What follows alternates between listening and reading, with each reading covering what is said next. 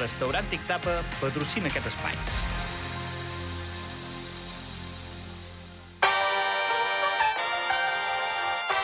Zona Esports amb Joan López.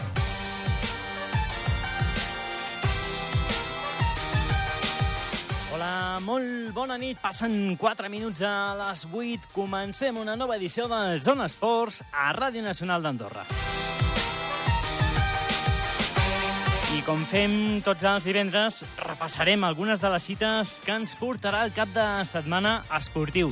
D'entrada hem de parlar d'un partit que esperàvem amb moltes ganes perquè havia de suposar el debut de Jonathan Garcia a Chepi a la banqueta del BPC al camp de líder del grup 2 de la Lliga d'Honor d'Occitània, al camp de la Salvetat, aquest diumenge. Però el partit finalment aquesta tarda s'ha comunicat des del club andorrà que no es disputarà per positius a les files de l'equip andorrà. De seguida parlem amb el president del BPC, Gerard Jiménez, perquè ens expliqui com està la situació, perquè a més és el segon partit consecutiu del BPC que s'ha d'ajornar, el de la setmana passada per positius a les files del Sant Jogui i aquest a les files del BPC. Viatjarem fins a Noruega perquè avui hem conegut que Marc Valés, jugador internacional de futbol, tanca etapa al Sandefjord, l'equip on havia militat les darreres tres temporades. I compta perquè el canvi és espectacular. Deixa Noruega per anar fins a Malàisia i jugar a la Superliga, en un dels equips més importants d'aquell país. Parlarem d'aquest canvi de rum amb Marc Vales. I també volem saludar al president de la penya tricolor, José Rodríguez, perquè ara fa una estona al poliesportiu hem vist un d'aquells actes eh, que realment doncs, eh, emocionen. Un grup d'aficionats molt nombrós, diria que a prop de 200 persones, s'han concentrat a les portes del poliesportiu. Hi havia també jugadors de la base, entrenadors, però sobretot aficionats de totes les edats han entrat al poliesportiu coincidint amb el final de l'entrenament del Morabanc Andorra i han retut una ovació espectacular, han cridat el nom de l'equip i han volgut donar ànims als jugadors i cos tècnic del Morabanc Andorra el dia abans d'un dels partits que podem qualificar com més importants de la temporada, el que jugaran els tricolors demà contra el Baxi Manresa. Una mostra de suport que de ben segur que ha arribat al cor dels jugadors i del cos tècnic i que esperem eh, que també pugui donar ales en un partit tan important com el de demà. Ho comentarem, com diem, amb José Rodríguez, el màxim responsable de la pinya tricolor, que ha muntat aquest acte per sorpresa. Tot això en aquest Zona Esports que arrenquem amb Toni Escur, a les vies de so i que us parla Joan López. Deixem el sumari i comencem.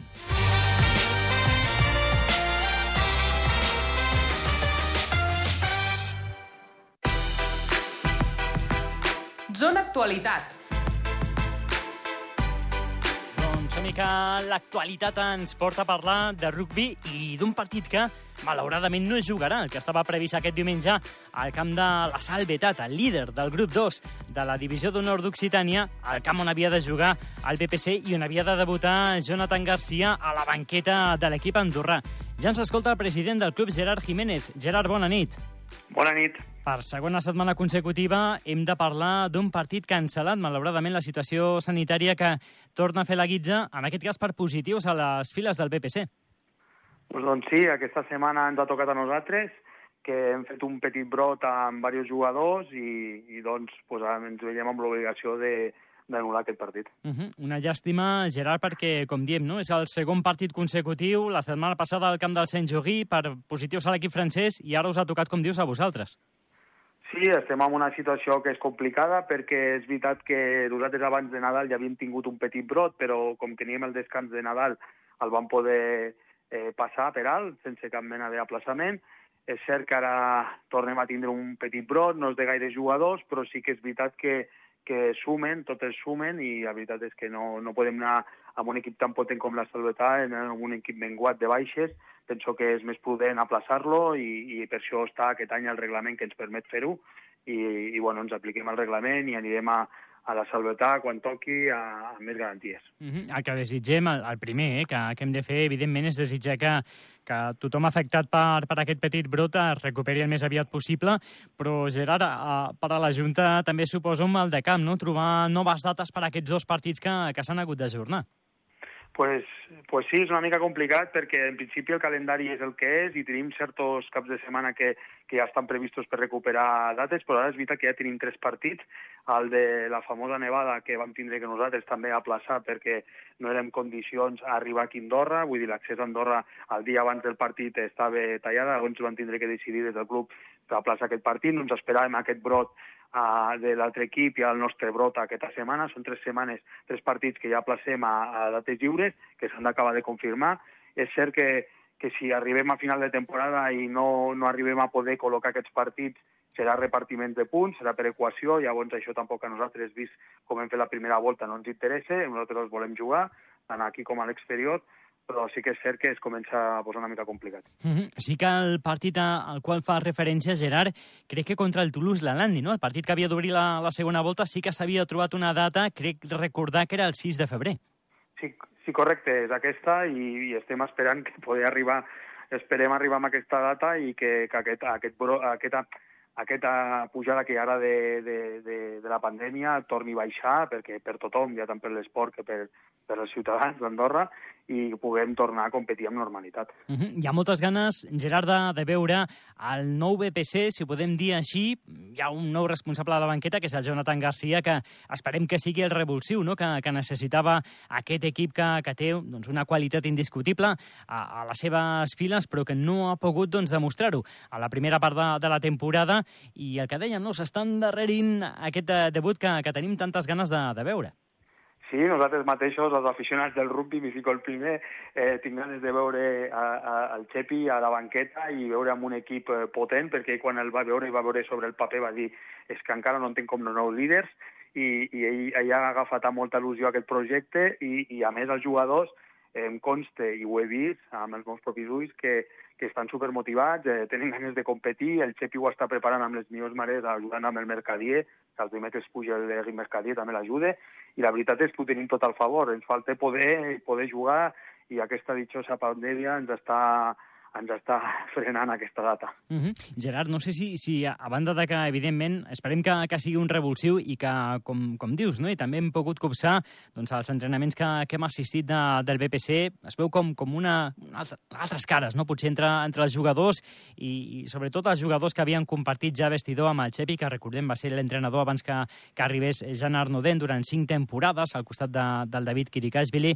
Doncs el que dèiem, no sé si a banda d'aquest revulsiu a la banqueta també han de d'arribar algun altre jugador, algun, algun reforç per a aquest tram final de la temporada? Doncs, mireu, el tema de reforç és, és complicat, perquè a la divisió que estem nosaltres, a partir de, de, de desembre, eh, amb segona volta, pots incorporar jugadors, però són aquests jugadors poden jugar amb el, amb el segon equip doncs eh, no ens permeteix reforçar, si ens fessi falta algun jugador amb alguna posició concretament, no ens ho permet, perquè al final l'únic que podríem fer és amb els jugadors del seu equip. Però dit això, la veritat és que des que ha arribat al Xepi, eh, la gent que havia potser baixat una miqueta els braços per desmotivació o de més, els estic veient entrenos, estem veient entrenos que no s'havien vist solament a principi de temporada, s'havien perdut i els tornem a veure i ara és un moment eh, bo i penso que ara ja tenim quasi bé dos equips complets per poder com començar a competir aquests últims partits que ens queden, però la veritat és que no ens deixa. La pandèmia aquesta no ens deixa fer-ho. Uh mhm, -huh. Esperem que, que es trenqui, eh? Aquesta petita sí. ratxa de dos partits ajornats de manera consecutiva. Una última, Gerard, mm, queden sí. set finals, eh? comptant aquests partits que, que s'han sí. de, de jugar. Optimista amb aquest canvi a la banqueta perquè s'aconsegueixi l'objectiu, el primer objectiu és que, que és eh, jugar a les fases d'ascens? Doncs el primer objectiu és, és, és, és no perdre la categoria. Això ja és el primer objectiu i el segon objectiu, evidentment, és clar que tots els jugadors volen anar a jugar aquestes fases d'ascens, però no, no, no em vull obsessionar i ells penso que tampoc. Jo penso que de partit a partit, com ha dit el Xepi, anem a primer guanyar un partit, anem a consolidar l'equip, anem a que l'equip jugui bé, que també això és important, i que la gent s'ho passi bé, que també això és superimportant, i a partir d'aquí, partit a partit, anirem a aguantar la categoria i si ja podem fer fases finals, ja seria el súmum, però no ens obsessionarem partit a partit, com diu el Xepi, i anem a veure com funciona, però jo penso que, que ens emportarem una bona sorpresa. Mm -hmm. Gerard, podem dir quin serà el primer partit, i toquem fusta, eh? que, que podrem veure doncs, aquest debut de, de Jonathan Garcia. Esperem que, que serà a casa, no? No sé si podem confirmar ja rival i data. Pues en principi esperem que sí, però és que la veritat és que ja a França també em consta que hi ha molts equips que estan en la mateixa situació, ja es va veure la setmana passada, no és, un, no és una... llavors tampoc em vull avançar, vull esperar la setmana que ve, perquè jo penso que hem d'esperar encara dues setmanes més i d'aquí dues setmanes més penso que a tot el que és a França i, a, i aquí a Andorra baix, començarà a baixar això i llavors és on com, com, com farem una segona volta a normalitat, però potser encara ens durarà la setmana que ve, potser l'altra. Però jo penso que a partir d'allà tindrem, és veritat que ja serà partit, partit, partit fins a fases finals, però jo penso que ja el BPC traurà el que té a de treure i demostrarà el que tenia que haver demostrat des del primer dia de la temporada. Uh -huh. Doncs uh, de moment aquest cap de setmana descans. Veurem la setmana sí. que ve com evolucionen aquests casos positius que s'han detectat a les files de, del BPC Andorra, que com diem no podrà jugar aquest diumenge a Camp de la Salvetat. Gerard Jiménez, president del BPC, moltíssimes gràcies per atendre'ns. Moltíssimes gràcies a vosaltres i ens veiem aviat. I tant que sí. Bona nit. Bona nit. Zona Internacional. Doncs, mica canviem de pilota, deixem l'oval i passem a l'esfèrica. Viatgem fins a Noruega i tenim moltes ganes de saludar el nostre següent protagonista, el jugador internacional Marc Vales, que ara fa 3 anys doncs, que jugava al Sandefjord de Noruega i que avui anunciava a, les, a les seves xarxes socials que canvia d'aires i, a més, de manera força radical. Marc Vales, molt bona nit. Hola, bona nit. Doncs a quin final d'etapa, no? Avui anunciaves amb una carta molt emotiva a les teves xarxes socials que tanques etapa al Sandefjord, l'equip de Noruega on has estat les darreres tres temporades.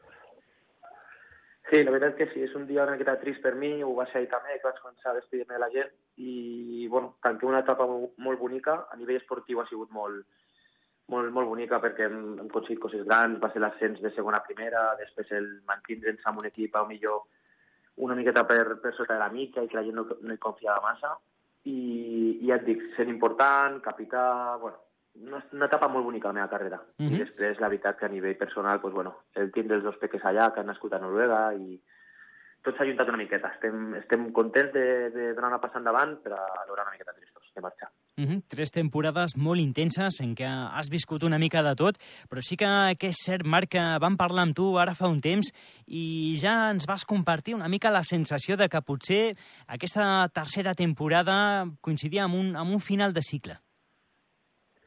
Sí, perquè al final és que, bueno, els anys van passant i jo he dit que sóc ambiciós, sempre, sempre he volgut pues, anar avançant i anar de passetes cap endavant i la sensació era de que, bueno, de que estava complint un cicle aquí, que per suposat hagués acabat l'any de contracte que em quedava i hagués sigut un bon any probablement, però el cos em demanava algo diferent. I, mm -hmm. bueno, a partir del desembre van, vam començar a valorar opcions i bueno, al final ha sortit una bona. Mm -hmm. Anem a, anem a desvetllar-la, eh? que, que potser la gent que ens escolta ens està, s'està demanant on se'n va el Marc Valles. Doncs se'n va a la Superliga de Malàisia jugar, a jugar a Marc, a, aviam si ho diem bé, al Quedà Darul Amen Futbol Club, un dels equips més importants d'aquell país, no?, de Malàisia. Sí, juntament amb el Johor, que és l'equip del Príncep, és, és, bueno, són els millors equips de la Lliga. Uh -huh. Ja et dic que ha sigut tot molt ràpid, eh, tinc molt poca informació ara mateix i que preguntes molt, intentes eh, empapar-te una miqueta de, de tot el que veuràs allà, però ha sigut tot molt ràpid, eh, tinc moltes ganes d'arribar, de, de conèixer els companys, conèixer la ciutat, l'ambient i, i, i començar. Hem pogut veure eh, a, a la pàgina web de, del teu nou equip que, que té el rècord d'haver guanyat dos triplets. És l'únic equip de, de Malàisia que, que ho ha aconseguit. Els tres títols més importants en dues temporades diferents. Sí, sí, ja et dic, al final és, és l'equip que competeix tots, tots els títols amb, amb el Johor, l'equip de... Bueno, que va acabar l'any passat primer, i aquest any nou, pues, el que et dic, l'any passat al fer una bona temporada i acabar segons, pues, també es, es farà competició el que seria asiàtica, el que seria aquí l'Europa League, pues, es jugarà allà, la competició asiàtica, i pues, bueno, sempre és bonic jugar a la competició domèstica, després sortir fora i veure equips també pues, que cal la fase de grups que tenim al Bali, a un equip de Filipines també, pues, bueno, pot ser molt interessant, la veritat. Uh -huh. Doncs eh, déu-n'hi-do, el, el canvi és radical, perquè recordem eh, que abans eh, del Sandefjord també havies eh, jugat una temporada a, a Finlàndia, per tant, doncs ja totalment eh, integrat en el futbol nòrdic. Marc, què és el millor que, que t'emportaràs cap a Malàisia de, de tota aquesta experiència, a banda de, del que deies abans, no? tres temporades molt intenses esportivament, has viscut una mica de, de tot, has estat un jugador important, què t'emportaràs també mm, personalment de, de tota aquesta experiència? Experiència? Bueno, crec que, sens dubte, al final he trobat un, una cultura nòrdica tant a Finlàndia com a Noruega que són, són impressionants. Marxo enamorat d'aquesta cultura de, de tot ben estructurat, tot, tot molt fàcil per, per a les famílies, una seguretat màxima, i probablement sigui el que pugui arribar a trobar a faltar anant a Malàcia. És, és un, pues, bueno, entenem que és un lloc millor una miqueta més, més desordenat, amb, amb una cultura pues, no, no, no, tan, no tan estricta no, en aquest aspecte, i bueno, esperem estar bé, però bueno, amb aquest neguit ja veiem com, com funciona tot allà. Uh -huh. I com ho porta la família? Això d'agafar les maletes i fer un canvi tan, tan radical? Família que, que ja doncs, una bona part és Noruega, podem dir. Sí, sí, sí. Bueno, al final nosaltres estem valorant moltíssim tornar també més a prop de casa, d'Espanya, inclús bueno, altres lligues, però està més a prop i quan et dones compte el que hem fet és, és marxar molt més lluny. Jo, mentre ells vinguin i siguin feliços amb mi, ho continuarem intentant. Ells estan contents, veuen això com una oportunitat també de tindre una aventura nova i, i viure una experiència junts, i així ens ho prenem. Uh -huh. La veritat és que suposo que a tu, Marc, això de fer les maletes no, no et costa, perquè ja pràcticament crec que des dels 16-17 anys que vas marxar de, del futbol andorrà per, per provar fortuna, el futbol espanyol, has estat en infinitat d'equips de, i, i ara fa, doncs, com dèiem, 4 anys que, que te'n vas anar cap a, cap a Escandinàvia, doncs eh, has anat canviant moltíssim de, de llocs, de, de país, de ciutats, d'equips, i per tant, per, per tu no és nou. Ara, amb 31 anys, aquesta nova etapa que, que obres a Malàisia, amb, amb quin horitzó la, la veus? És un horitzó llarg, és un un horitzó curt? Com, com afrontes aquest canvi? Bueno, a nivell de canvi ja dic que és, és algo per nosaltres positiu. Sí que és veritat que arriba un punt que el cos et demana més tranquil·litat i, i, i ho valorem moltíssim perquè també amb els dos peques pues, ens interessaria molt pues, això, buscar aquesta estabilitat, el no moure's massa. Però bueno, encara són joves i, i el que busquem a, a Malàcia és això, una altra experiència. El, de moment hem firmat un any i, i veurem què passa. Tenim moltes ganes d'anar allà, de viure, viure aquesta experiència allà, de, identificar el que, el que farem allà al, al país, viure molt aquesta, que hi ha molt, molta passió pel futbol. I a partir d'aquí, pues, si les coses van bé, mai se sap, continuar o tornar. Uh -huh. Hem vist que, que el camp on juga, eh, el, el Kedah, el Darulament, és un, un estadi amb capacitat per uns 30.000 espectadors. Eh? Tenim, doncs, a, suposo que, que tindràs moltes ganes de, de veure doncs, com, com es viu el futbol a, a Malàisia en, en un camp i d'un dels equips punters d'aquell país. Una última, Marc, suposo que el que deies abans, no? També doncs, a, a la teva ment queda el desig també d'acabar la teva carrera esportiva, que esperem doncs, que, que encara sigui d'aquí a, a molt de temps, en un equip més a prop de casa. Sí, sí, ja et dic, això era claro que era real per nosaltres ara, ho, ho estem valorant moltíssim. Et podria dir que sense haver sigut molt formal vaig tindre opcions de tornar a l'estiu o a l'hivern també, però bueno, eh, sortint aquesta oferta la veritat que no, no la podíem rebutjar i, i vam decidir pues, parar tot el que pogués moure's eh, més a prop de casa. Mm. Anem convençuts, tenim ganes de tornar, sí, però ara, ara és el que tenim, és el projecte que tenim al davant i, i l'agafem amb força. Mm -hmm. Doncs a tota la sort, eh? Molt agraïts, Marc, que, que avui ens hagis atès des de Noruega, no? Ja fent els darrers dies a, aquí, a, on ha estat casa teva aquestes últimes tres temporades, amb el Sandefjord, i ja a punt de començar una nova experiència futbolística en una lliga i en un país tan diferent, eh? La Superliga de Malàisia, amb el que da Darulament Futbol Club. Marc Valés, internacional de la selecció andorrana de futbol, moltíssimes gràcies per atendre'ns i, com diem, tots els èxits. Gràcies, gràcies a vosaltres. Bona nit. Bona nit. Zona prèvia. Doncs som-hi 22 minuts passant de les 8. Seguim en directe al Zona Esports. Tornem cap a casa i volem fer la prèvia del partit que jugarà el Morabanc Andorra demà contra el Baxi Manresa, 6 de la tarda i en directe per aquesta sintonia Ràdio Nacional d'Andorra i Andorra Difusió.d d'una manera diferent. Avui no escoltarem a Ivonne Navarro, no escoltarem a Musa Diany, que han comparegut a la sala de premsa per parlar del partit, sinó que volem parlar amb el màxim responsable de la penya tricolor, amb José Rodríguez. I és que aquesta tarda un grup d'aficionats en un acte que ha organitzat la penya tricolor, un grup d'aficionats molt nombrós, també jugadors d'equips de la base i entrenadors s'han concentrat a les portes de la bombonera i després han fet entrada a la instal·lació per donar ànims als jugadors d'Ivon Navarro, coincidint amb el final de l'entrenament. Ha estat un acte molt bonic, fins i tot la Encarna, eh, una de les aficionades més conegudes del Morabanc, eh, ha portat les seves rosquilles també perquè els jugadors doncs, poguessin eh, compartir amb els aficionats aquest moment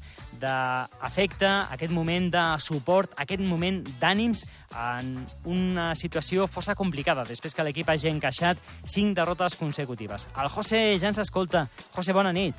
Hola, bona nit. Quin acte més bonic que heu organitzat des de la penya tricolor aquesta tarda per donar suport a l'equip? Eh, pues la veritat que sí. Bueno, eh, l'equip crec, crec que necessitava ànims i hem intentat organitzar algo xulo que, que tinguin ànims als jugadors per demà. Uh -huh. T'esperaves que, que contestaria, que, que respondria tanta gent a aquesta crida que, que heu fet des de la penya tricolor? Pues la veritat que no. Jo comptava un, no sé, uns 25, 30, 35, però no, a veure, no, no els he comptat, però potser érem 100 o 100 i pico persones al poliesportiu aquesta uh -huh. tarda. Uh -huh. A més, gent de, de totes les edats, no? Hem vist uh, molta gent que no falla, eh? A la cita amb cada partit a la bombonera, uh, gent de, dels equips de, de la base, un grup molt, molt heterogeni, amb totes les edats, tothom representat. Sí, sí, havia moltíssima gent, com dius tu, havia gent de la base, molta gent de la penya tricolor i molta gent que no és, bueno, no és de la penya, però són aficionats del Moravant i han vingut a han volgut vindre a donar eh, força al, als jugadors uh -huh. i al cos tècnic. No és la primera vegada, eh, José? Recordo també una imatge que doncs, eh, es va fer viral, no? com, com, com es diu ara, amb molts aficionats concentrats també a l'entrada del poliesportiu, dia de pluja, l'equip que venia d'encaixar una derrota dura, i també doncs, es va concentrar molta gent sota l'aigua per, per rebre l'autocar de, de jugadors. No? És una afició que, que potser no és de les més nombroses de, de la Lliga ACB, però que avui ha tornat a donar exemple. Sí, correcte. Ho vam fer l'any passat, de... veníem de jugar a Obradoiro, de perdre, no recordo bé, però de 28 o quasi de 30. Eh, també portàvem 4 o 5 partits perdent i vam anar, pues, això, 40-50, com dius tu, sota, sota la pluja, animar els jugadors. I avui pues, hem tornat, o hem volgut tornar a fer-lo perquè, perquè no es vegin els jugadors que, estiguin, que estan sols. Eh? És dir, està clar que ells sense, sense nosaltres no són ningú, però si el Moravant va malament, nosaltres estem molt fotuts també. Uh -huh. Què t'ha semblat la, la reacció de, dels jugadors, com ho han rebut? Hem vist a, a David Jelinek, no? que, que s'ha posat els galons de capità i que una mica com a portaveu de, dels companys ha tingut unes paraules, no? us heu col·locat tots ja en una part de la grada, la part petita de, de la grada del poliesportiu, i des d'allà, doncs, des del centre de la pista, els jugadors us han tornat aquests aplaudiments i unes paraules també d'afecte de, de David Jelinek, no? una mica eh, en representació dels jugadors. Què, què t'ha semblat aquesta resposta de, dels jugadors i del cos tècnic? Bueno, la resposta del jugador circostècnic ha sigut un, un 10. Eh, estic segur que no s'ho esperaven i això jo crec que ha sigut una energia, motivació per demà al partit i les i les paraules del nostre capità pues, han sigut molt, molt emotives i bueno, jo parlo personalment, no? però jo crec que molt emotives i jo crec que hem donat un impuls per, per demà competir i, i estic segur, segur, segur que demà guanyarem. Uh -huh. Demà, José, és el, el dia D, no? Un partit a 6 de la tarda contra el Baxi Manresa que està en una situació completament oposada no? a la del Morabanc, un equip que està en un moment molt dolç, que s'acaba de classificar per a la Copa i feia 18 anys que, que no ho aconseguia, que ocupa el tercer lloc a, a la Lliga, que està guanyant i, i convencent, que acaba de guanyar, com aquell que diu, al Palau Blaugrana, a la pista del Barça. Quin rival i quin partit demà. Sí, sí, el Manresa ve molt fort, ha guanyat pues, els últims partits tots, ha guanyat a pistes molt difícils, s'ha classificat a la Copa del Rei, com dius tu, de 18 anys eh, després, i nosaltres tenim una dinàmica ara mateix al contrari, però bueno, jo crec que les dinàmiques també s'acaben i, pues no dir, estic super convençut que la nostra dinàmica demà canviarà i el Manresa pues, sí que està dinàmica guanyadora, però bueno, algun dia té que perdre i, i serà demà. Uh -huh. José, per acabar, uh, fes-nos tu la, la crida per als aficionats demà, que sabem eh, que hi ha les limitacions, lògicament, per, per la situació sanitària, i tot i que no es pugui omplir la, la bombonera, fes-nos una crida perquè vagin a donar suport a l'equip al màxim nombre d'aficionats. Pues sí, des d'aquí vull demanar que si només podem estar al 50% al pavelló, que la gent que vingui, que demà es deixi la veu, que anem a l'equip eh, com si fos un, una final i, i que vinguin amb moltes ganes, moltíssimes ganes d'animar i si som al 50%, som al 50% perquè mm, des de Manresa venen uns 200 persones i, bueno, tenim que demostrar que volem guanyar, que volem estar allà, que bueno, volem ser el Moravant i, i no recordem, hi ha molta gent que, bueno, que no sap d'on venir, val? i bueno, que som un club humil, i si estem aquí nosaltres és perquè el Moraván està on està, si no, no estaríem, no? Entonces, demano, sisplau, a tots els aficionats que vinguin demà, torno a repetir, que se, es deixin la veu i que cridem com, bueno, com mai, com si fos la final de, de l'Euroliga, mira el que t'he dit. Aquí, aquí queda recollida la teva crida. José, esperem que tingui tant d'èxit com l'acte que heu organitzat des de la penya tricolor aquesta tarda, que ens ha agradat i emocionat, eh? molt, eh, com diem, al poliesportiu. José Rodríguez, president de la penya tricolor, gràcies per atendre'ns i que demà sigui una gran festa del bàsquet i que la victòria es quedi a casa.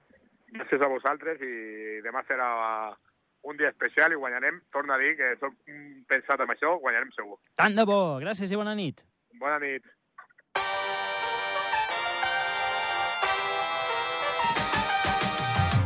Doncs que nosaltres amb el José Rodríguez arribem al final del Zona Esports. No tenim temps per res més. Us han acompanyat un dia més Toni Escur. A les vies de Soi que us ha parlat Joan López Us. Deixem amb l'Andorra en blanc i el Cesc San Juan. Gràcies per la vostra companyia i molt bon cap de setmana.